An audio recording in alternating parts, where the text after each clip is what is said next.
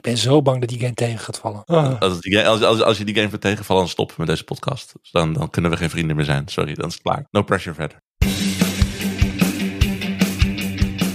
Video, video games.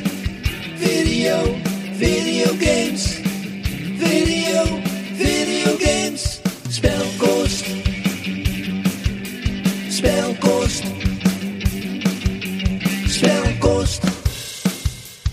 Welkom bij een nieuwe aflevering van Spelkost, een podcast over games. Ik ben Ervogelaar, de andere kant zitten Bastiaan Vloegop Hey, hoi. en Harry Hol. Hi, goeie, goeiedag. Goeiedag, het is een goede dag, want als je dit luistert is waarschijnlijk de release dag van The Legend of Zelda Tears of the Kingdom. Squeal. En, Ik ben in de tijd niet zo gehyped geweest voor een game. Het is een beetje zo- zo'n zo'n schoolsgevoel weer. Hè? Die, die, die, die tijd in je jeugd dat je heel erg gewoon de avonden telt tot, of de dagen telt tot het zover is. Dat heb ik heel lang bij games niet gehad. Maar bij deze leef ik er echt wel naartoe de hele tijd. ja. Maar ik wil even direct beginnen om duidelijk te maken, we gaan het in deze podcast niet per se over deze game hebben. We gaan sowieso geen spoilers bespreken. Dus als je nu denkt van, hey, ik ga die podcast niet luisteren, wat ik wil. Ik wil blanco in Tears of the Kingdom stappen. Kun je gewoon luisteren, want we gaan het hebben over Zelda van Weleer. En die gaan we spoilen. Allemaal. Sorry. Nee. Nee, maar het is inderdaad, het idee, we gaan nu inderdaad gewoon onze favoriete, minst favoriete en eh, gekke eerste Zelda's en zo bespreken. En later, als we alle drie Tears of the Kingdom wat meer hebben gespeeld, dan gaan we het waarschijnlijk veel te vaak nog over die game hebben. Dus ik- ja, als je nou denkt van, hey joh, ik wil over Tears of the Kingdom horen, maak je geen zorgen. Dat gaat echt nog wel gebeuren tot op het punt dat je denkt van, hou nou een keer op.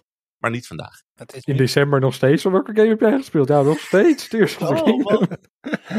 Ik heb, ik heb weer een ook gevonden. Dat is denk ik de laatste.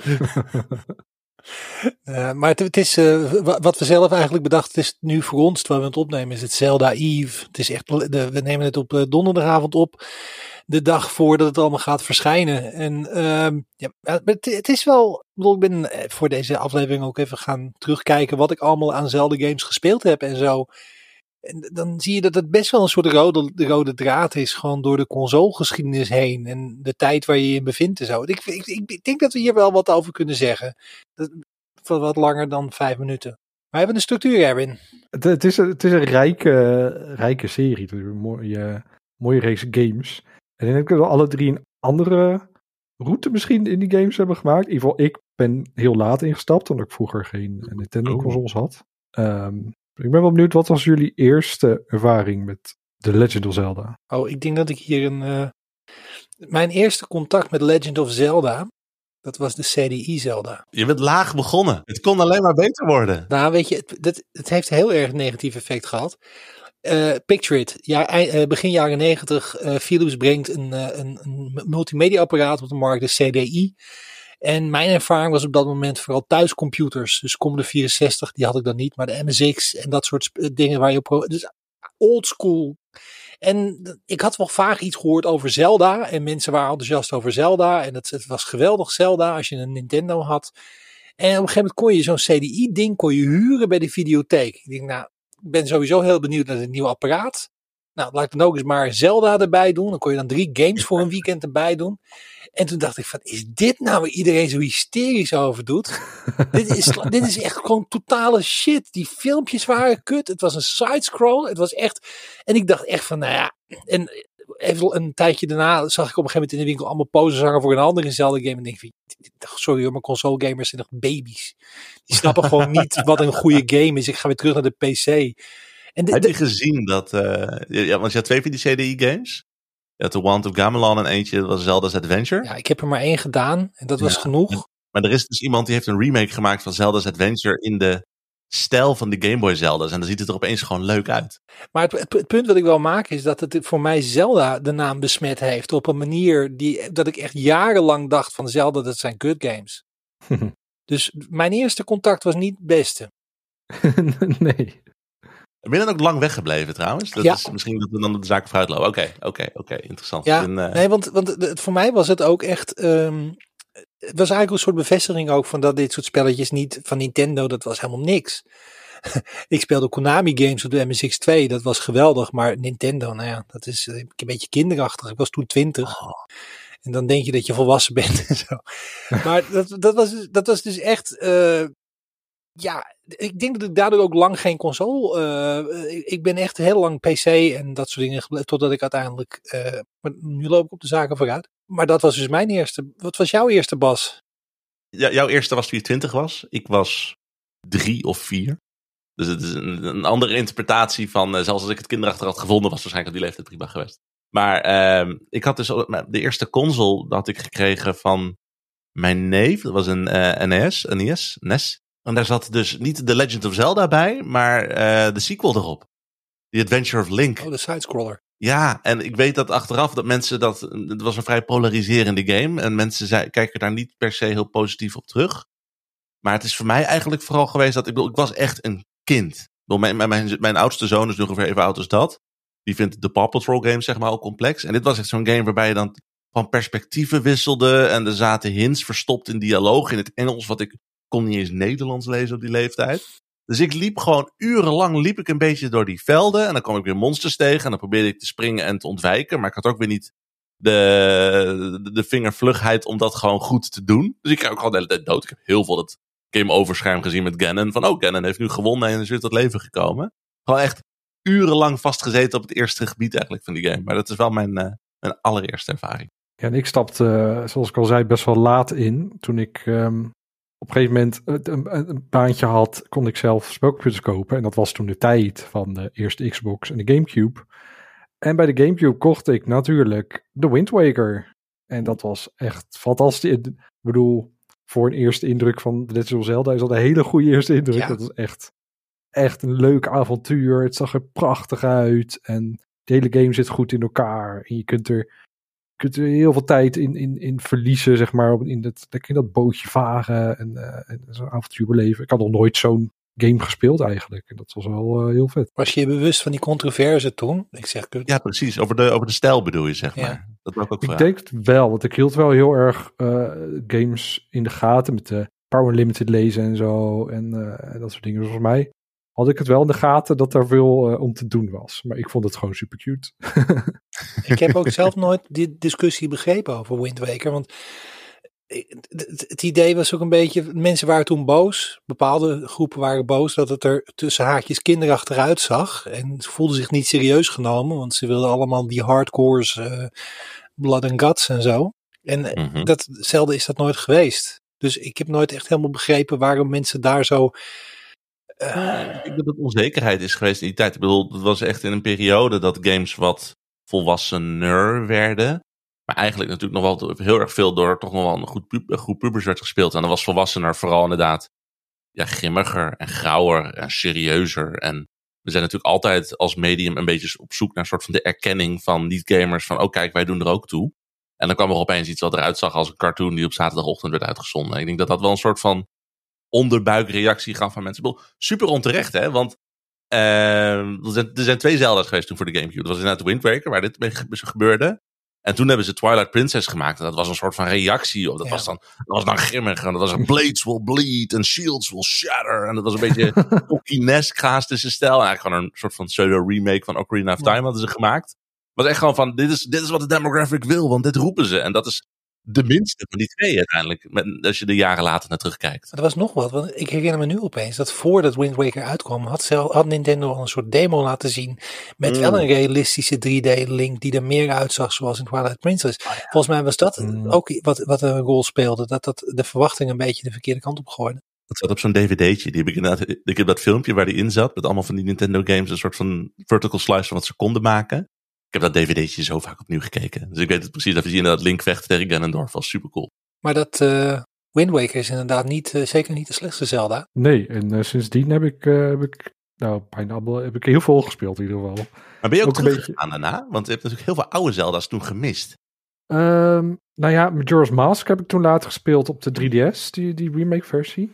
Ik heb eh Ocarina of Time heb ik overgeslagen, want ik had op een gegeven moment, ruilde ik een paar Xbox games voor Nintendo 64, voor iemand op het station. En er zat ook Ocarina of Time bij, dus ik dacht, ach, ga ik die eigenlijk spelen?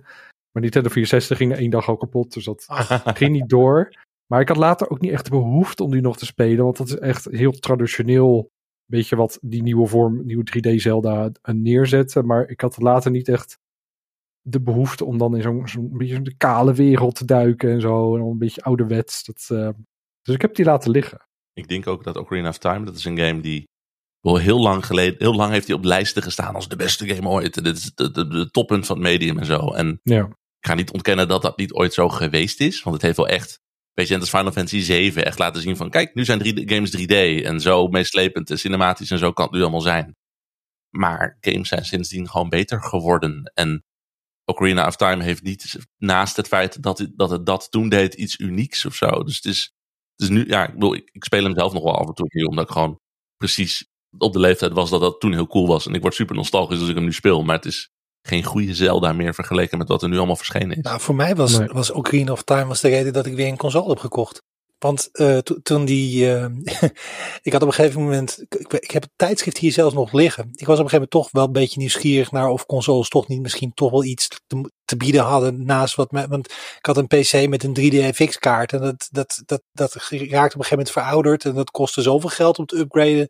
Eh, En toen heb ik een, een tijdschrift gekocht wat me niks zei. Electronic Gaming Weekly. Ik, of, monthly. Ik weet dat dat een enorm tijdschrift was op dat moment. Maar daar, dat had een cover story over, Ninten- over Zelda. En eh, een preview van Metal Gear Solid. En die twee artikelen heb ik gelezen. En toen dacht ik, ik wil een Nintendo 64 op basis van de preview van Ocarina of Time. En toen heb ik dus uiteindelijk in 1998, toen, de, toen die uitkwam, heb ik eh Ocarina of Time gekocht. Daar heb ik een Nintendo 64 voor aangeschaft. En het kostte me heel veel moeite om erin te komen. Want ironisch Hmm. genoeg vond ik het. eh, ik, ik was best wel geïnteresseerd in roleplaying games op dat moment. En ik vond eh Ocarina of Time eigenlijk best wel zo zoet qua sfeer, zo sprookjesachtig. Dat ik, eh, volwassen als ik was, toch wel eigenlijk hoopte op iets serieuzer en rauwers dan dat. wat, wat, uiteindelijk heb ik dat doorgezet. En toen was het voor mij op dat moment echt de beste game die ik ooit gespeeld heb. Ik heb zelfs bijna alle Sculptula's nog verzameld in dat spel. Uh, want uiteindelijk wordt het ook wel een beetje grauw en grimmig. Maar het moet er inderdaad even inkomen, denk ik. Het is een soort van haast eh, een beetje onderhuidse horror zit er soms wel in die game. Ik heb het als kind ook wel echt eng gevonden, weet ik nog wel. Daar gingen ze eh, door lekker dieper op in met uh, Majora's Mask natuurlijk. Dat was wel echt Ja. donker en duister. Ja, ja. Maar, jullie hebben dus, al- maar jullie hebben allebei dus no- waarschijnlijk dan nooit Link to the Past gespeeld. Jawel, later op de, op de Game Boy Advance heb ik hem gespeeld. Oké. En Eh, A Link Between Worlds is toch de remake daarvan? dat dus de 3DS. Dat was echt een op zichzelf staande. Die was echt Ja. heel tof. Eh, dat was een game waar, die gooide heel veel dingen van, van eh, Link to the Past om. Je kon alle voorwerpen kon je van tevoren kopen. En eh, je had die, die vaardigheid dat je in muren kon verdwijnen als een schilderij in kon rondlopen. Dat was Ja. echt zijn eigen ding. Het, het leek Ja. qua stijl alleen heel erg op Link to the, Link to the, Link to the Past. Oh, oké. Nee, dan heb ik die niet gespeeld. Jeetje, die heb ik nooit gespeeld. Wat erg. maar Link's Awakening misschien dan wel weer, omdat hij op de Switch nog een remake heeft gehad recent. Nee. Oh, Link's Awakening is wel een van de... We gaan later nog over favoriete Zelda's hebben. En dat vind, ik- vond ik een hele moeilijke keus. Maar dat, dat is hem niet. Maar die, die- dat was wel een, bijna waar het, was dat er eentje voor mij. Video, videogames. Wat is je favoriete Legend of Zelda dan, Bas? Mijn favoriete Legend of Zelda... Nou, oké, ik zei aan het begin van de podcast zei ik van dat, ik, dat ik het heel moeilijk vond om eh, dat ik de dagen aan het aftellen was. Dat was niet helemaal waar, want ik heb de afgelopen twee weken heb ik eh Tears of the Kingdom gespeeld. En ik, ja, nogmaals, we gaan het later uitgebreid over de game hebben. Jullie moeten nog beginnen. Ik wil niks spoilen. Dit is zo'n ieder gameplay dingetje wat niet in een trailer heeft gezeten is al een spoiler. Het is super moeilijk over te praten, maar dat is de afgelopen twee weken mijn favoriete Zelda geworden en misschien wel mijn favoriete game. Is wel lastig, hè? Dat het zo nog zo vers is. Ja, dat is ook. Ik, heb, ik moet even een beetje afstand ervan hebben en kijken van voelt dat nog steeds zo. Maar dit spel is op een manier in mijn hoofd gekropen en er gebeuren steeds dingetjes waar ik over nadenk. Dat is, dat heb ik echt. Ik heb me niet zo gevoeld sinds ik een, zoals sinds ik een puber was, zeg maar. Hmm. Dat je, dat je brein ook nog wat rijper is en dat je daar wat meer op triggert. En dat ik dat nu gewoon als serieuze volwassen man heb, is echt heel bijzonder. Voor mijn gevoel. Maar het is, er zit zoveel in en het is zo, het, het is zo leuk en creatief. En oh, dat is, het, het is, ja, voor mij op het moment wel de favoriet, mijn favoriete Zelda. En, het was, en hiervoor was het een, altijd een soort van eh, remise tussen, eh, of een, gelijkspel tussen eh, Link to the Past en Link's Awakening. Maar Hmm. ja, nu niet meer. Sorry. Op het moment niet. Leuk spelletje. Leuk, zin in. Harry, wat is jouw favoriete Zelda? Ehm, ja, op dit moment nog. Maar ja, dat is natuurlijk de, de slag om de arm die we allemaal hebben. Maar op dit moment is voor mij Breath of the Wild wel de, de favoriet. En dat ging niet vanzelf. Want ik ben twee keer opnieuw begonnen. Dus ik heb een poging gedaan, toen nog een poging gedaan. En de derde keer pas klikte de game op zijn plek zoals die eigenlijk was. Ja. Stiekem vier keer, want ik heb hem ook nog even op de Gamecube, op de, de Wii U gespeeld. Die versie heb ik ook nog Ah. ergens liggen. Maar ehm, ik had er heel veel moeite mee in het begin dat die game me niet eh, leek te leiden. Wat niet waar is. Maar ik had niet door dat iemand. Dat, dat het spel ga- gaf je door zijn moeilijkheid aan waar je wel en waar je niet naartoe moest gaan. En eh, als iets niet lukt, dan moest je ergens anders naartoe gaan. Of je moet een manier vinden om. Iets wat, wat later bij Elden Ring gewoon echt heel erg geperfectioneerd is. Maar dat had ik. Dat kostte mij heel veel moeite. Want ik zat nog heel erg in mijn hoofd met het gevoel van een Zelda-game. Dat is eh kerker, vaardigheid, nieuw- nieuwe kerker nieuwe puzzels met die vaardigheid. En dat, dat dat het niet was, dat, kost, dat, dat wilde gewoon in eerste instantie niet. Toen het wel klikte, toen ben ik er echt in gevallen als een soort met zwart gat wat me niet meer losliet. Omdat op het moment dat je doorhebt dat het pure plezier hem zit in verkennen wat er achter de volgende boomstronk zit of wat er over de horizon ligt. Dat er altijd iets te vinden is. Ja, wat je nou zegt, hè. Ik, eh, ik heb toevallig gisteren een video gezien, want Nintendo heeft een hele tijd geleden op een eh, gameconferentie hebben ze uitgelegd wat Zelda nou liet werken. Ja. Of eh, Breath of the Wild nou liet werken, want ze hebben heel lang gewo- geworsteld. Want ze hadden die game hadden ze gemaakt. En mensen gingen eigenlijk gewoon van Shikatoren naar Shikatoren naar Shikatoren naar Shikatoren. En ze speelden het gewoon lineair. Dus ze speelden het eigenlijk totaal niet zoals eigenlijk de wens was. En eh, ze vonden het ook niet leuk. Dus ze zaten eigenlijk te denken. En ze hebben het uiteindelijk zo ontworpen dat er letterlijk, wat je zegt, aan het einde van de horizon, iedere keer als jij een heuveltje voorbij gaat, hebben ze nagedacht bij ieder heuveltje van, nou, daar zou iets kunnen liggen, daar zou iets kunnen liggen. Dus ze zijn echt minutieus door die game heen gegaan om jou constant die prikkel te geven. Het is geen toeval dat je denkt van, hé, hey, dat is interessant, daar is wat. Dat is zo ontzettend, ja, het is monnikenwerk om dat te maken. Het is bizar. Wat een game. Wat een game. Erwin. Nou, mijn fa- favoriete uh, Legend of Zelda is Majora's Mask. Oh, dit had, Die, ik, eh, dat had ik kunnen voorspellen. Hier hebben we het eerder over gehad. ja, ik dacht ook wel dat dat eh, die, Die kant zit- op ging. die staat in mijn top 5 favoriete games eh alle tijden. Die, eh, die heeft me wel echt gegrepen. Die heeft- ik vind het een hele leuke combinatie van en het avontuurlijke, wat, wat Zelda natuurlijk heel erg heeft. eh, op pad gaan en avontuur, avontuur beleven. En dat het één grote puzzel is die je kunt oplossen. En waar je eh, beetje bij beetje snapt hoe het werkt. En, en blijvende veranderingen teweeg brengt. Zodat je weer op een andere manier in die wereld stapt. En ja, dat was echt een feestje. Echt super, super leuk. Ik werd zo gestrest van die game. het, het stomme is, ik, heb, ik schreef toen voor een, eh, voor, voor een eh, website, eh, een game, gamesite, die ik zelf opgericht had trouwens, voor een internetprovider. En een van de eerste games die ik recenseerde daarvoor was Majora's Mask. En ik vond hem fantastisch. En hij kwam uit op hetzelfde moment dat de PlayStation 2 uit, op het punt van uitkomen stond. En ik had echt het gevoel van, ik heb ook geschreven, ik weet nog dat ik geschreven heb van, eh, wie heeft een nieuwe generatie consoles nodig? Majora's Mask is next gen, met alles wat in die wereld gebeurt en al die personages en zo. Maar tegelijkertijd, het is me nooit gelukt die game uit te spelen, omdat er een tijdsdruk zat in de, in de puzzel, namelijk een aantal vaste dagen. En iedere dag kwam de maan verder naar beneden. En eh, ik heb nooit gezien wat er gebeurde die maan op de, op de, eh, de landen, want dat kon niet aan. ik kreeg er zo anxiety van. Dat ik dat gewoon echt op een gegeven moment ben ik tegen een muur opgelopen. Want ik kan er niet meer aan. Dit is te stressvol. Ja, ik snap het helemaal. Het is wat laatst onze Pet Peeves aflevering. En dat was ook het eerste wat ik noemde, was gewoon timers. Ja. Dat is deze game natuurlijk gewoon ten voeten uit. Maar gek genoeg bij Major Majora's Mask voelt voor mij als de uitzondering. Juist omdat die game ook gewoon eens... Ja, ik bedoel, als we het helemaal hebben over Zelda's die haast iets horrorachtigs hebben. Dat is gewoon... Die klok is gewoon... Ja, de, de, de man met het mes die langzaam op je afkomt lopen. En dat maakt gewoon de spanning van die game. Terwijl er, terwijl er iemand naast je staat en in je oor fluistert. Bloed, bloed, bloed. Ik vind het wel echt vet dat ze dan... Ze hadden dan die basis van Ocarina of Time. En dan gaan ze daarna kijken van... Hé, hey, we gaan nu gewoon iets raars doen. We gaan iets, iets doen wat nog nooit eerder is gemaakt. Iets experimenteels met een rare vibe. En, en, en het werkte gewoon. Ja, Hoe- in een jaar gemaakt ook, hoorde ik laatst. Hè? Dat is echt gewoon eruit gerushed in die tijd. Als je sowieso naar de, naar de tijdlijn kijkt van de release data van Zelda's. Dan zie je dat een hele lange periode zo'n beetje om de twee jaar een nieuwe Zelda uitkwam. Eh, En Ja. dat is best wel bizar eigenlijk. En dat Majora's Mask in één jaar gedaan is natuurlijk helemaal echt gekke werk. En dan is ook Mhm. Maar er zat, het, dat was toch wel iets wat, wat meer een soort regel, een beetje Call of Duty-achtig. Iedere twee jaar een nieuwe Zelda. Maar dat, dat, is nu gewoon, dus dat kan denk ik ook niet meer, gezien de enorme omvang van wat, ze- wat ze hebben. Wat dat betreft ze zelf ook wel een beetje in een hoek geschilderd met Breath of the Wild. Maar ze kunnen daar niet meer terug. Er moet nou altijd een stap voorwaarts zijn van de schaal en, en, en, het gevoel. Ze konden toen ook een beetje systeem afwisselen. De eentje voor de Gamecube, eentje voor de 3DS, eentje voor de Wii. Dan kon je een beetje afwisselen, maar nu moet alles voor de Switch. Ja. Dat is ook lastig.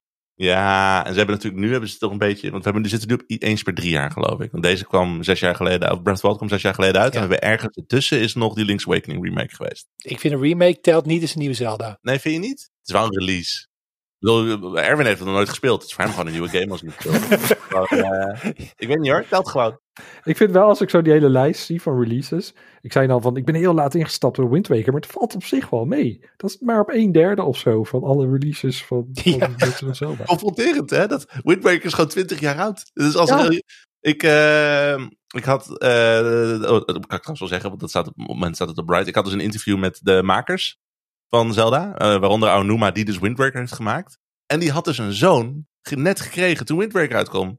Die is gewoon in de 20 op het moment. Dat is gewoon een puber. Dat is Ja. gewoon, dat is, dat is ongehoord. Voor mijn gevoel is die game vijf jaar geleden uitgekomen. Dit hoort niet. Dit is echt heel erg naar. is gewoon retro. Maar sowieso, als ik naar, naar, naar die release data kijk, kijk, voel ik me helemaal echt hoogbejaard worden. Van, oh, oh, toen werkte ik daar, oh, toen studeerde ik al, oh, toen was ik het huis uit, toen deed ik dat. Oh, ik van, holy fuck.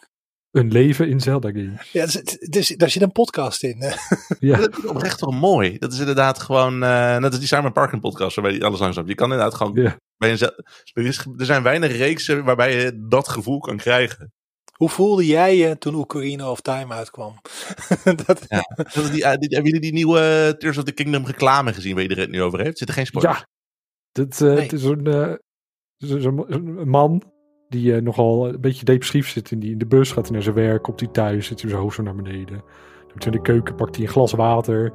Zijn vrouw raakt hem even aan van hallo, maar hij reageert niet echt. Hij loopt naar de, naar de, naar de televisie, gaat op de bank zitten, zet zijn glas water op de tafel. En dan ziet hij zijn Nintendo Switch Pro Controller. en een kopie van The Legend of Zelda. Tears of the Kingdom. En die start hij. En dan wordt hij dan dan gelukkig? zie je langzaam Ja. een sprankeltje in zijn ogen Wat verschijnen. dit. En je ziet hem vallen, je ziet hem fouten maken, maar je ziet hem denken van, oh, ik kan, ik kan oplossingen verzinnen in deze game die wel wat betekenen. Ja. En Als ik dat hier Ik kan, dan kan ik het in mijn echte leven misschien ook. ik zie weer nut in mijn leven. Ook goed ik kan weer iets betekenen in, in, in, een, in een wereld in bestaan. Oh. En dan de volgende dag neemt hij zijn Switch mee in de bus. En hij lacht en dan kijkt hij naar buiten en dan denkt hij... "Oh, dat is ook een wereld. Maar het is, het is verschrikkelijk. Het is zo goed ook gewoon gefilmd. Het is een soort van, een soort, van eh, hele emotionele dramafilm. Maar dan met een zakenman die Zelda gaat spelen. Maar het Het is, een heel donker huis, ook zo'n dode plant naast, naast de tv. Maar waar ik aan dacht is dat. eh, ik zag online de theorie dat deze volwassen zakenman. Dat zou gewoon de jongen uit de eerste Legend of Zelda eh, eh, eh, reclame kunnen zijn. Die op de bank met zijn vrienden zit van. Wow, this is an amazing game. Want hij heeft ook zijn hele leven gewoon Zelda gespeeld. Zou gewoon kunnen. Ja. Maar Nintendo heeft af en toe wel rare buien wat dat betreft. Maar het, ik, op zich, het, het spreekt me wel aan. Want ik, ik kijk wel heel erg uit ook naar Tears of the Kingdom. Ook als een soort van reboot voor mijn gevoel van wat ik leuk vind in gamen. Het is trouwens ook een soort, wat dat betreft vind ik het een beetje irritant. Ik weet dat Zelda dus vrijdag uitkomt. En ik heb een paar grote games gespeeld. En ik heb op dit moment nou niet de motivatie om aan iets te beginnen. Ik heb uh, Metroid eh, heb ik hier liggen. Ik heb uh, Advance Wars heb ik nauwelijks. Ik bedoel, ik heb daar tien uur in, maar niet echt een deuk in geslagen. Dus ik heb echt het gevoel van ik kan nou wel dingen gaan beginnen, maar Zelda. Ik game ook niet meer. Ik, ik ben gestopt met Octopath Traveler 2, want ik ben helemaal boos. Maar ik ben woedend. Niemand maar nu game ik ook aankomen. gewoon deze week. Deze week, ik ben gewoon... Ik, ja, nee, ik wacht op Zelda. Ik zou je vertellen, ik heb dus... Ik heb, vlak voordat ik Zelda ging spelen, moest ik Jedi Survivor voor review spelen. Dat, superleuke game. Ik dacht, die ga ik nog even 100%. Toen kwam Zelda binnen. En ik dacht van, nou, dan doe ik het wel naast elkaar. Dat doe je niet hoor. Nee. Er is geen plek meer in je hoofd voor andere games zodra je aan Zelda begint. Dit, is, dit ga je ademen, dit ga je leven. Ieder gesprek dat wij met elkaar gaan voeren gaat alleen maar zijn van... hey, ben je al voorbij die berg daar links geweest? Heb je gezien wat daar zit? Ja, echt cool man. Holy shit. Het is, eh, dat heeft totaal mijn perspectief op hoe games werken gewoon op, op, op zijn kop gezet. En dat duizend keer per dag. Dit is, je kan echt, rot op met je Octopath Traveler. Een van de leukste games dit jaar, maar ga, hou ermee op. Maar mijn, mijn grote gemis op dit moment. Ik mis heel erg dat gevoel wat ik een paar jaar geleden heel sterk had bij games. Dat, het in je, dat ze in je, in je hoofd wonen. Ja, en, en dat, dat, Ik ook, en dat doet dit. Dit ga je, ja, ja nee, dit, sorry, ik, ik ga, ga verder. Maar je, je gaat dit krijgen. Nee, want het is een beetje dat idee wat ik had vroeger met Guild Wars 2 of met eh EVE Online of met Elite Dangerous of met een spel wat niet in de ruimte zich afspeelde. Ehm, maar gewoon dat je het gevoel hebt dat je, dat je dat dat gewoon je opzuigt, dat die hyperfocus ge- geactiveerd wordt. En, en dat ik ben nu eigenlijk als een soort van metadon is een beetje raar als je je probeert af te wennen van iets waar je nog niet aan verslaafd bent. Maar ik ben begonnen met eh, op, op, eh, verder te gaan met eh The Witcher 3. Ik denk van dat is dan nog tenminste een, open wereld en dan ga ik een beetje dingen ontdekken en dan dat, en dat wer- werkt op zich ook wel, maar het is de hele tijd het gevoel van ja, het is geen Zelda. Video, video games. Maar als we nu naar die lijst eh, kijken, hè, we hebben alle drie wel heel veel The Legend of Zelda games gespeeld. Maar wat is dan jullie minst favoriete The Legend of Zelda game die jullie gespeeld hebben? Die gespeeld hebben. Ik heb het idee dat Harry dat, eh, dat- dat nu voor de tweede keer dezelfde game gaat noemen. Nee. Want dat kan toch niet iets anders zijn dan die CDI Zelda. Nee, want dat, dat vind ik, dat, ik bedoel, daar heb ik, over, heb ik lang over nagedacht of ik dat zou doen of niet. Want, maar ik vind dat niet eerlijk, want ik vind eigenlijk dat dat false marketing was. Ik kan met goed fatsoen niet zeggen dat die CDI Zelda's op een of andere manier representatief waren voor Zelda. Dus dat ga ik, ik ga dat Zelda race niet aanrekenen. Mijn minst favoriete Zelda die ik echt wel gespeeld heb met het volle bewustzijn van wat een Zelda game zou moeten zijn, dat is Skyward Sword. En daar ben ik heel erg op gebounced, omdat de introductie zo fucking langzaam en traag was. En dat je, de, je moest de hele tijd dan met die praten, en. En dat duurde maar, en dat duurde maar, en er gebeurde niks. En ik, en ik, dacht, eh, ik dacht ook echt van, is mijn herinnering nou zo of zo? Dat, maar nee, ik ben nog even gaan googlen en het blijkt dat de eerste drieënhalf uur van de game heb je nog geen combat gezien.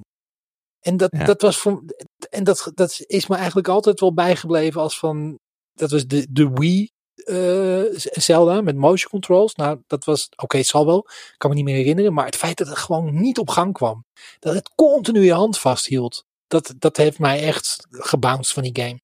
Ja, ik wil er wel op inhaken, want ik had dezelfde. Had ik, eh, ik zat te twijfelen tussen. Ik die- we, gaan, we gaan even een, een half uurtje eh, Skyward Sword pasje. Maar wat wat bij een beetje de herinnering is. Was gewoon de Call of Duty van de Zelda games. Er waren wel puzzels en dungeons om te lossen, maar alles was je, werd je gewoon een soort van voorgelegd. Van hier is een bal, loop naar voren, leg die bal naar neer, gaat die deur open. Je bent nu in een nieuwe kamer, daar ligt weer een bal, leg die nu weer. Het is gewoon... Ik had daar tegen, totaal geen gevoel van, hé, ik kan even naar links en rechts om te kijken wat er is. Ik moet alleen maar het pad de hele tijd af zoals ze dat exact voor me hebben geschetst. En daardoor zat alle creativiteit, eh, was gewoon uit de puzzels ge- ge- ge- geslagen voor mijn gevoel. En dan ben ik nog iemand die de motion controls trouwens best leuk vond. Ik dacht van, laat maar lekker zwaard vechten. Ik vind dat best een leuke minigame hoe dat eh, uitgewerkt was. Ik stond ook echt gewoon heel fanatiek voor mijn tv te doen alsof ik Link was. Ik ging daar helemaal in op. Maar gewoon dat Call of Duty-achtige, oh, verschrikkelijk. Die motion controls vond ik juist super kut. Want dan heb je eerst dat hele, hele gedoe van wat Harry zei van het duurt heel lang. En eh, volgens mij ben ik ook meerdere keren opnieuw begonnen. Want dan was ik ge- gebounced en ging ik het anders spelen. Van ja, maar ik moet toch deze Legends of Zelda spelen. Dan ging ik opnieuw beginnen en heb je weer dat hele pff. Maar dan mag je eindelijk vechten. En dan moet je dan met je Wii-controller, moet je zo precies dat zwaardje zo. En doet elke vijand weer. Dus dan dan ploep, weer vijand. eh. Nou, ik vond dat zo kut. Staan ook wat van beide dat de Wii Motion Plus controls was. Dus dan, het was dus ook nog niet dat je gewoon kon wapperen. Want al- als gewoon het slaan een wapper is, dan, kom je, dan kan je ook gewoon onderuit gezakt, gewoon wapper, wapper, wapper, klap, klap, klap. Dan is het gewoon een knop. Maar die, die Wii Motion Plus controllers vroegen van jou ook nog specifieke gebaren te doen. Dus dan heb je ook niet het Hmm. gevoel dat je in een soort ritme, in een soort, ja, soort gamerstrans komt van we zijn lekker aan het spelen. Met de hele tijd iets aan het doen. Ik noem het altijd eh, eh, met, met stokjes eten terwijl je bokshandschoenen aan hebt. Dat is het gevoel dat ik heel erg had bij dat soort Wii Motion controls. Het is heel ongemakkelijk gewoon. Ja. Je wil, je wil lekker relaxed die game spelen. En, en, en niet zo... Ja, dat. Was, was, niet, was niet de favoriete Zelda van spelkost. We zijn het er wel over eens in ieder geval. Nee, maar het is, Ja. eh, het is wel jammer. Terwijl het, is zeg maar de, het was zeg maar de eerste big budget Zelda door Fujibayashi. die daarvoor eigenlijk alleen maar handheld games had gemaakt, die ging toen een beetje een soort van half het stokje van oude Numa overnemen. Dus dat was echt van, nou shit, daar gaat Zelda. Zo voelde het een beetje. Terwijl hij, hij, heeft Breath- hij heeft ons Breath of the Wild gebracht, hè? Dus hij heeft één keer is hij ontzettend, ontzettend op zijn bek gegaan eigenlijk. Eh, Heeft hij veel van geleerd. Maar heeft, eh, daarna heeft hij, heeft, heeft hij iets fantastisch weer neergezet. En nou doet hij ook weer Tears of the Kingdom. Vond ik ook een leuk spelletje. Misschien als Skyward Sword- Sword niet zo slecht was, was Breath of the Wild niet zo goed geweest. Nou, dat ding, Had hij niet geleerd. het, is wel de anti, het is wel de anti-game voor Breath of the Wild. Het is, want alles wat, wat, wat, waar ik een hekel aan had van Skyward Sword, dat was opgelost in Breath of the Wild.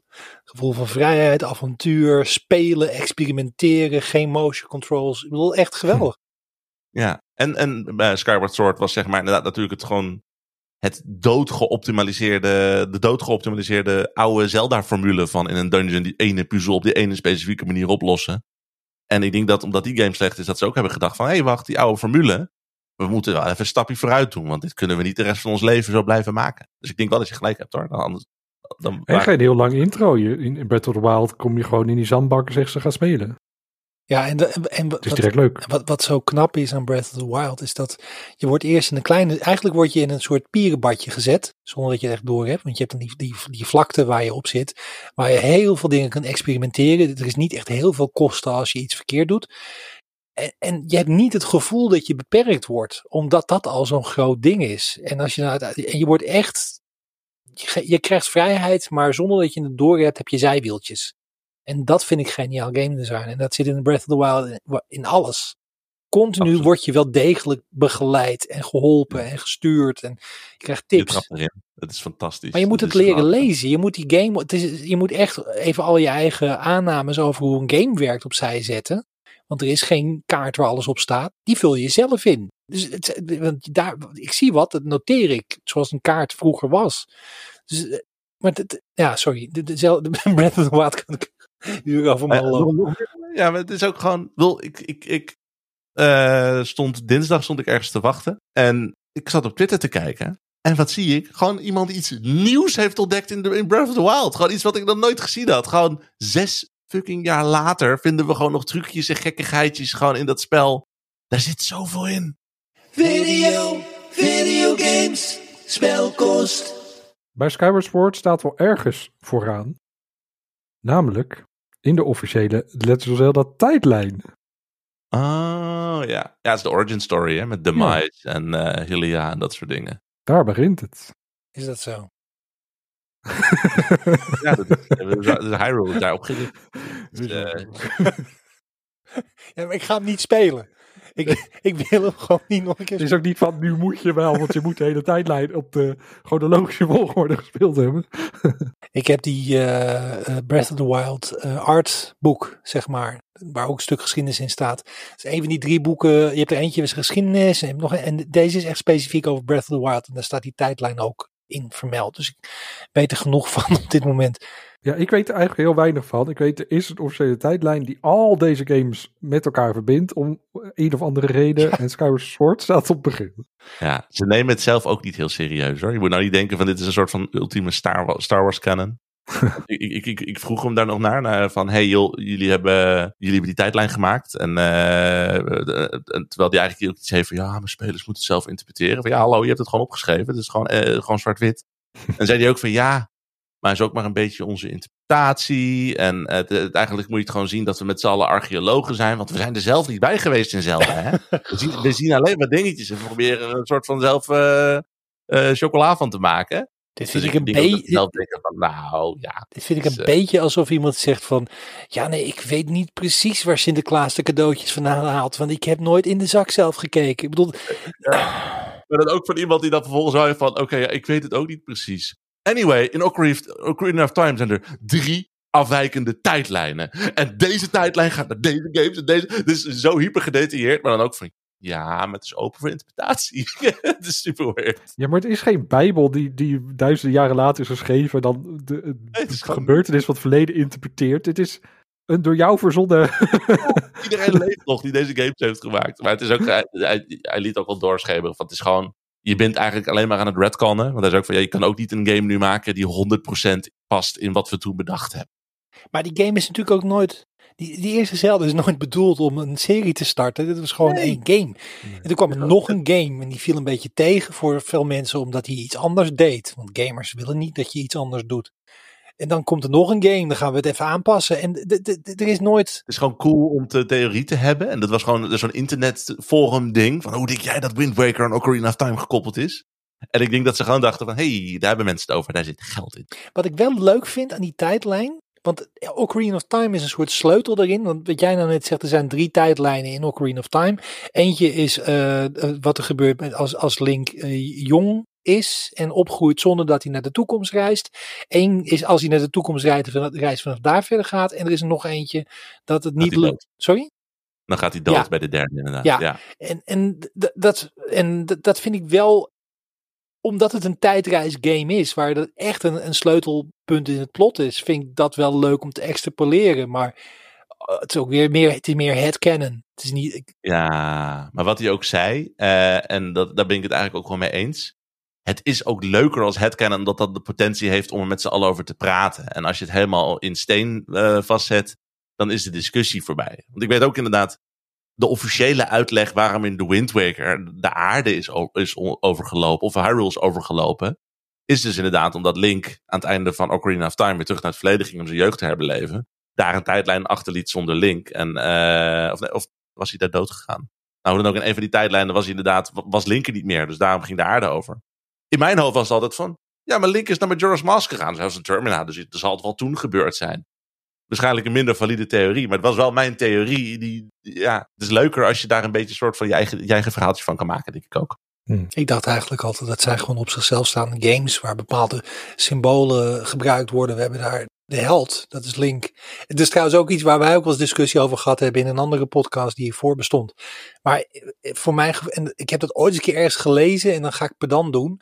Maar ik las ergens dat de naam Link, dat ging niet over dat hij Link heet, maar dat was een Japans Engelse term om aan te geven. Hij is jouw verbinding met die wereld. Dus jij Ja. bent dat zelf, dus tik je eigen naam in. En hij niet Link, hij heet Bas, Erwin, hij heet Harry. En voor mijn gevoel, dat, dat- ik werd er heel principieel over. Hij niet Link, hij heet Harry. En ik was ook best wel, dat is ook de reden dat ik een hekel heb aan Breath of the Wild. Maar daarin wordt gewoon in voice acting gewoon altijd Link gezegd. Nou, dat kan niet, want hij heet Harry. Dat is redconning dit. Dit is waar we AI voor hebben uitgevonden. Hè? Dat straks de voice actors van Zelda wordt ingeladen en dan hoor je dat. Harry, Hey, daar gaan we heen, hè? come save me. Nee, maar daar gaan we absoluut. Ik bedoel, er zijn al. Ik bedoel, er was een of andere eh, racing game. eh, Grid, Grid was dat. En dan eh, had je ook een soort verhaaltje. En dan kon je dan je naam in. En als je naam in de lijst zat, dan werd je ook echt de hele tijd in de cockpit van de auto toegesproken van: Oké, Harry, overtake him now. En als jouw naam niet in de lijst stond, dan kon je dan een, een, een nickname nemen. Hello, Ace. Weet ik veel. Hmm, Dus wel, wel leuk bedacht. heel leuk bedacht. En ik, ik denk dat we daar ook naartoe gaan als, als AI vo- voice. Dan gaan dit soort dingen ook gewoon gebeuren. Ik zag Ja. laatst een filmpje dat er iemand gewoon een AI in. Ik geloof dat ze het gewoon in Skyrim gemod hadden. En dan gewoon zo'n NPC die gewoon op basis van wat je in de game aan het vragen was. Die had gewoon automatisch een soort van verhaaltje bedacht. Het klonk nog helemaal niet cool. En dat was- het was nog niet zeg maar. De suspension of disbelief was er nog niet zeg maar. Maar inderdaad, je gaat ook wel zo'n kant op. Je kan straks een MMO maken. En hoef je helemaal niet meer na. Dus iedere kleine NPC te schrijven. Dus iedereen kan gewoon identiteit hebben. Omdat een AI het gewoon invult. Dat is wel cool. Wordt nu wel gedaan, hè? dat noemen ze dan de barks van, eh, van de personages. Als jij, eh, dat, dat, eh, barks in game design, dat is bijvoorbeeld dat als jij in een dorpje binnenloopt, dat je dan de koopman hoort roepen van, hey, kom hier je waren kopen. Maar ook als jij in een stealth game zit en je hoort zo'n boef zeggen van, he's over there, of I saw something. Dat zijn barks. En dat is kutwerk om te schrijven voor game designers. En dat, er zijn er studio's die dat, ik geloof Ubisoft, dat dat ging uitbesteden aan AI. En hoewel het kutwerk is voor game designers, voor schrijvers, is het wel gewoon dat je op een heel vlak zit van we gaan schrijfwerk van mensen afnemen en door, door eh, AI laten doen. Dus dat is op dit moment wel gaande, die discussie. Sorry voor deze zijlijn. Nou, ik, eh, ik, eh, ik, eh, ik wens iedereen heel veel plezier met eh Tears of the Kingdom. Jullie gaan spelen nu- vandaag, jongens. Ik ben zo blij dat jullie gaan spelen. We kunnen erover praten straks. We gaan spelen. Ik eh, ben echt. Ja, ik, heb hem, ik, ik, ik hou mijn hart vast. Want ik heb hem dus bij Amazon besteld. En hij moet op dag 1 wordt hij dan geleverd. En ik heb ook gezegd, ik laat hem bij een ophaalpunt afleveren. Want anders dan komt hij om 10 uur s'avonds. Slim, slim, slim. Ja, nee, ik, Har- Harry Brein. eh, d- Ja. Denk slim. Inte- intelli- inte- maar ik heb dus geprobeerd om dat allemaal voor te zijn. Maar ik heb dus nou echt nog steeds zo van. En ik weet dus nou bijna zeker dat die Primera waar ik hem op kan halen. Dat ik dat dan kom en dat er dan staat. Wegens ziekte gesloten. Zo weet je. Dat, dat gaat gewoon gebeuren. Want dat is mijn leven. Wat je kan doen, eh, als je slim bent, dat is echt verschrikkelijk gezegd door mensen. hè, maar Als je slim bent, moet je dit doen. Dat is altijd de implicatie dat je dan dom bent. Maar wat je kan doen, is gewoon naar een of andere fysieke winkel gaan en daar kopen. Ja. En dan ga je Amazon weer terugsturen als je hem daar gehaald Dat hebt. is dus eh, precies wat ik ook dacht. Want ik dacht op een gegeven moment van ik laat hem nou bezorgen. Maar ik weet zeker dat de mediamarkt wordt bevoorraad met 30 miljoen van die Mhm. dingen. En als ik daar Nee, je moet gewoon... toch de deur uit. eh, acht uur 's ochtends al spelen, dan ben je er al veel eerder klaar voor. Dus mijn pre-order, mijn eerste pre-order ooit, was geen goed idee. Ja. Hey, ga- gaat er een van jullie nog streamen? Ga alsjeblieft streamen. Het lijkt me zo leuk als een van jullie gaat streamen. Hoe moet ik Mhm. gaan streamen met mijn Switch? Ja, dan sluit je hem aan op zo'n kastje. Ja, als je niet zo'n kastje hebt, wordt het moeilijker. Dan moet ik zo'n kastje bestellen bij Amazon. En die wordt dan pas volgende week maandag bezorgd. Als jij vrijdag naar Bakkerveen komt rijden, mag je mijn kastje lenen. Dan eh, dat regel ik voor Maar je. ik wil niet streamen. Een van de grote plezieren waar ik nou naar uitkijk bij Tears of the Kingdom is ook, ik ben blij dat ik hem niet hoef te recenseren. Ik hoef er niks mee te doen. ja. Ik ga die game spelen en ik heb nou ook zo'n zo'n visie voor mij dat er een moment is dat ik ergens ben, bij een bosje of wat dan ook. Dat ik dan gewoon ga kijken, wat ga ik doen? Dan heb ik zin om daarheen te gaan. En dat is voor mij het hele gevoel waar ik naar uitkijk. En verder alle andere dingen eromheen. Dit is mijn wereld, dit is mijn holodeck ervaring. Dat is wat ik het leuk vind van dit soort spellen. Ik wil niet dat mensen dan meekijken van, oh, dan heb je zo die druk van, oh, ik moet nu goed zijn of goed doen of snel door. Ik wil gewoon, Ja, ik wil gewoon in die wereld friemelen. Ja, maar ik wil meekijken. Ik wil zien. Ik, ik, ik wil die gast zijn die zien hoe jullie voor het eerst Star Wars kijken. Gewoon dat, dat, dat, deze, deze levensveranderende ervaring wil ik voor jullie meemaken. Nou, spoilers, het wordt een levensveranderende ervaring. Maar even voor iedereen, eh, we hebben, dan, we hebben op, de, op de Discord, de spelkost Discord, de, Discord, hebben we een apart eh, kanaal, Zelda-spoilers. Daar kun je praten over Zelda-spoilers. Maar is wel de regel dat alle spoilers worden getagd. Dat betekent dat je hetgene wat de spoiler is, wordt dan zwart. En dan klik je erop als je het wil lezen. En dan moet je aangeven waar het over gaat. Niet zomaar gewoon van die zwarte vlak overal zeggen. Want daar klik ik overal op, dat kan ik niet zeggen. Ehm, maar dat is een kanaal waar je dus over de game kan praten. Met ons en met alle andere spelkostluisteraars. Zonder angst om gespoord te worden. Ja. Als het goed is. Om even te illustreren hoe voorzichtig we ook zijn. Er werd, terwijl we deze podcast eh, aan het opnemen waren, werd er een linkje gedeeld naar een Nintendo een developer blog. Een linkje. een link. Eh, Link to the blog, dat is gewoon de podcasttitel. Maar, eh, nee, maar eh, dat was een officiële developerblog. Waarbij we dan, waar- waar- dan hadden we het uiteindelijk over van nou. Er zitten wel wat dingen in die je als spoiler kunt interpreteren. En die heeft toen, degene die het deelde, heeft hem ook direct preventief gewoon lekker gemarkt met zo'n spoiler ding. En dan wordt het plaatje ook geblurred, heb je geen idee wat er staat. En dat is gewoon, eh, we zijn er overvoorzichtig mee. Safe space om te praten. Het is wel anders dan Twitter, waar gewoon alles in je tijdlijn komt. Ja, nee, Twitter ben ik wat dat betreft ook op een andere manier mee om ontgaan op dit moment. dat is een ander verhaal voor een ander leven. Dan gaan we nu naar de tips. Harry, wat is je tip? Ik heb, een, eh, ik heb weer zo'n boektip meegenomen. Yes. Ik ben een beetje aan het wandelen en ehm, ik ben nogal. Ik, ik- jullie kennen waarschijnlijk het televisieprogramma QI wel. Ja, een erg leuke panelshow. En je hebt een aantal. En eh, iedere keer comedians die daar aan het woord zijn of die daar meespelen. En één daarvan, daar ben ik echt al jaren fan van. Die vind ik zo geweldig. En ik, zijn gevoel voor humor sluit zo ontzettend aan bij dat voor mij. En dat is David Mitchell. David Mitchell, dat is degene die is dan staat vooral bekend om zijn angry logic. Dat hij sommige hele, echt het, het absurde uit iets haalt. Ik, ik vind hij heel droog. Hij, is, hij, hij doet zich voor alsof hij eh, upper class is, maar hij is dat absoluut niet. En hij wordt Dat is een, die nazi. Hm? Of nou, het is niet echt een nazi, maar zo'n meme van hem. Van waarbij hij de nazi is en dan zegt hij, are we the buddies? Oh, die. ja, de- hij, dat is uit een, dat is uit een, eh, een, uit een eh, sketchshow waarin hij samen met zijn comedypartner inderdaad een sketch had gemaakt van dat zij als SS'ers elkaar aankijken van we hebben een, een schedel op onze mouw en zijn wij de slechterikken in dit verhaal? En, maar hij heeft, maar ik vind dus hem dus een hele erg leuke comedian en presentator. En hij heeft dus een aantal boeken geschreven. En een daarvan heet Backstory. Voorgelezen door de schrijver zelf, als je het audioboek hebt. En het is lekker relaxed. Hij vertelt over zijn jeugd. Hij vertelt over z- zijn werk. Wat je verwacht van een soort autobiografie. Maar hij vertelt het in de, aan de hand van dat hij zelf een wandeling, wandeling aan het maken is. Door eh, plekken waar hij, waar hij gewoond heeft. En het is grappig en leuk en mild en heel erg David Mitchell. En het is geen spannend boek. Het is gewoon een leuk boek. Lekker relaxed luisteren. Dus vandaar, ik had hem een tijdje geleden op Audible gekocht. En eh, recentelijk aan begonnen. En eh, ben nu halverwege. Ik vind hem echt geweldig. Dus eh, ja, een backstory van David Mitchell. Nice. Ik heb een eh, serietip. Eh, Mrs. Davis staat nu op eh, HBO Max. Is een serie co-created door eh, Damon Lindelof. Die kennen we van The Leftovers, van Watchmen, van Lost. Hele goede series. Ehm, en Mrs. Davis gaat over een, ehm, een, een, een kunstmatige intelligentie, Mrs. Davis, die eigenlijk bij iedereen in de wereld via een oor- oor- oordopje ehm, eh, advies geeft, eh, een beetje het leven leidt. En die heeft enorm veel controle dus op iedereen in de wereld.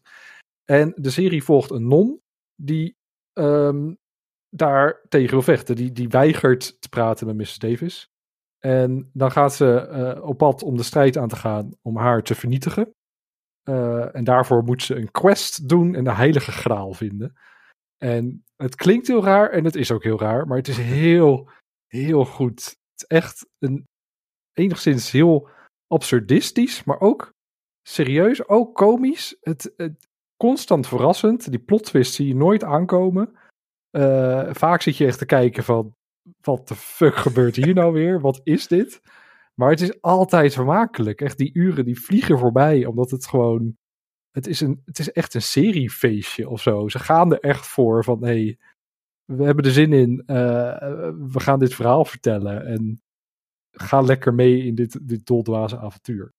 En vooral het hoofdpersonage, eh, de non Simone, wordt gespeeld door Betty Gilpin. En die kende ik van de serie Glow. En dan vond ik al, haar al heel goed. Oh, en ze blijkt nu, deze serie, nou, ze draagt het echt. Ze is zo goed en zo leuk. En ze speelt het zo eh, overtuigend. Telkens al die plotwisselingen. En dan zie je haar in haar mimieken en haar gezicht. En ook gewoon een droge manier op, op, op de dingen reageren. Dus als kijker, als je als kijker op een gegeven moment denkt van what the fuck, dan zegt ze ook van what the fuck. en dan, dat is ook een beetje link met, met jou met, met van, het gebeuren heel veel rare dingen, maar ik snap het ook niet. Het klopt, het, het is gewoon raar, het is oké.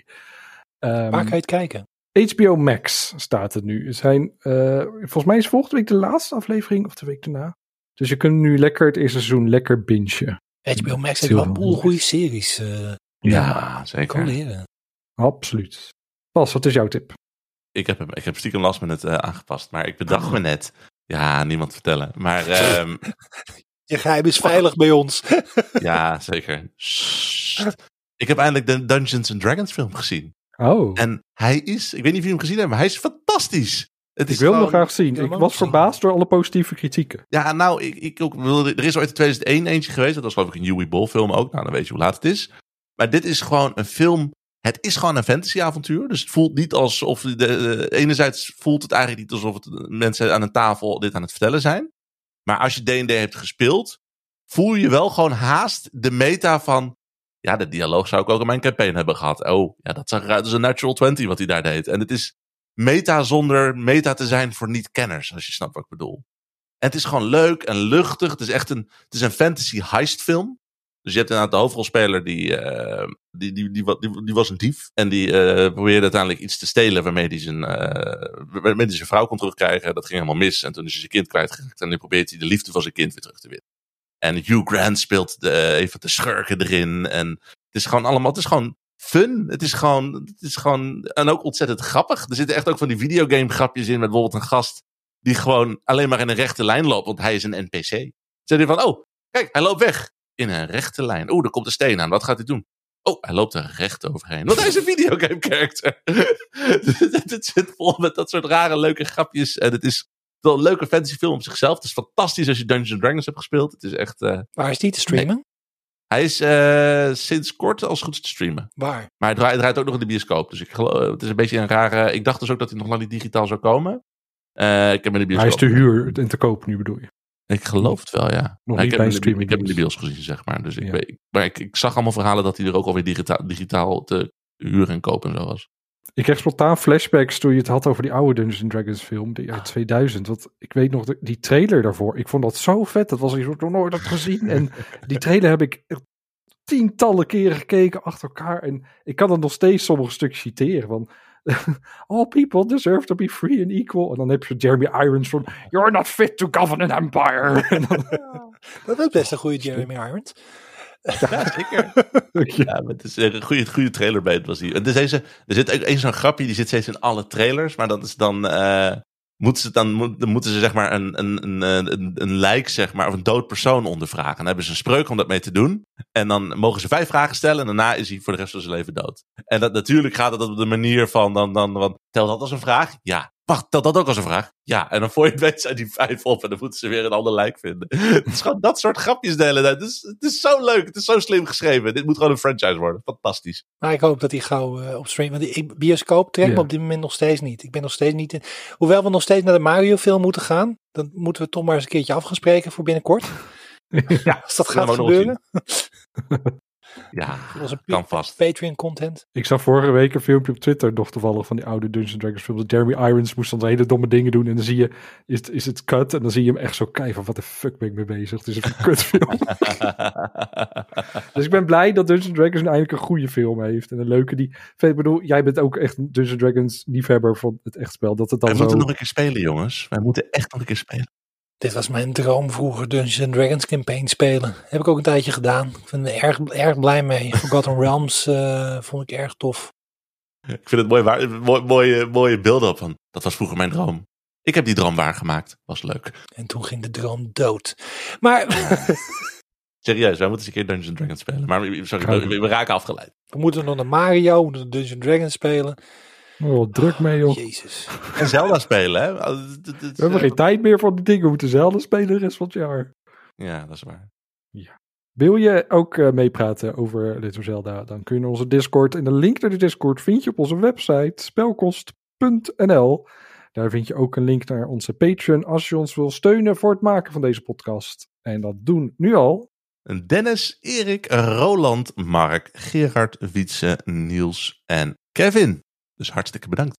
Bedankt allemaal. Dan, ehm, nou, nogmaals heel veel plezier met Tears of the Kingdom. En dan was Oh, dit zoveel plezier. deze aflevering van Spelkost namens Bastiaan Vroeg op. Harriol, ik ben Erf Vogelaar. Heel erg bedankt voor het luisteren en tot de volgende keer. Video, video games. Video, video games. Video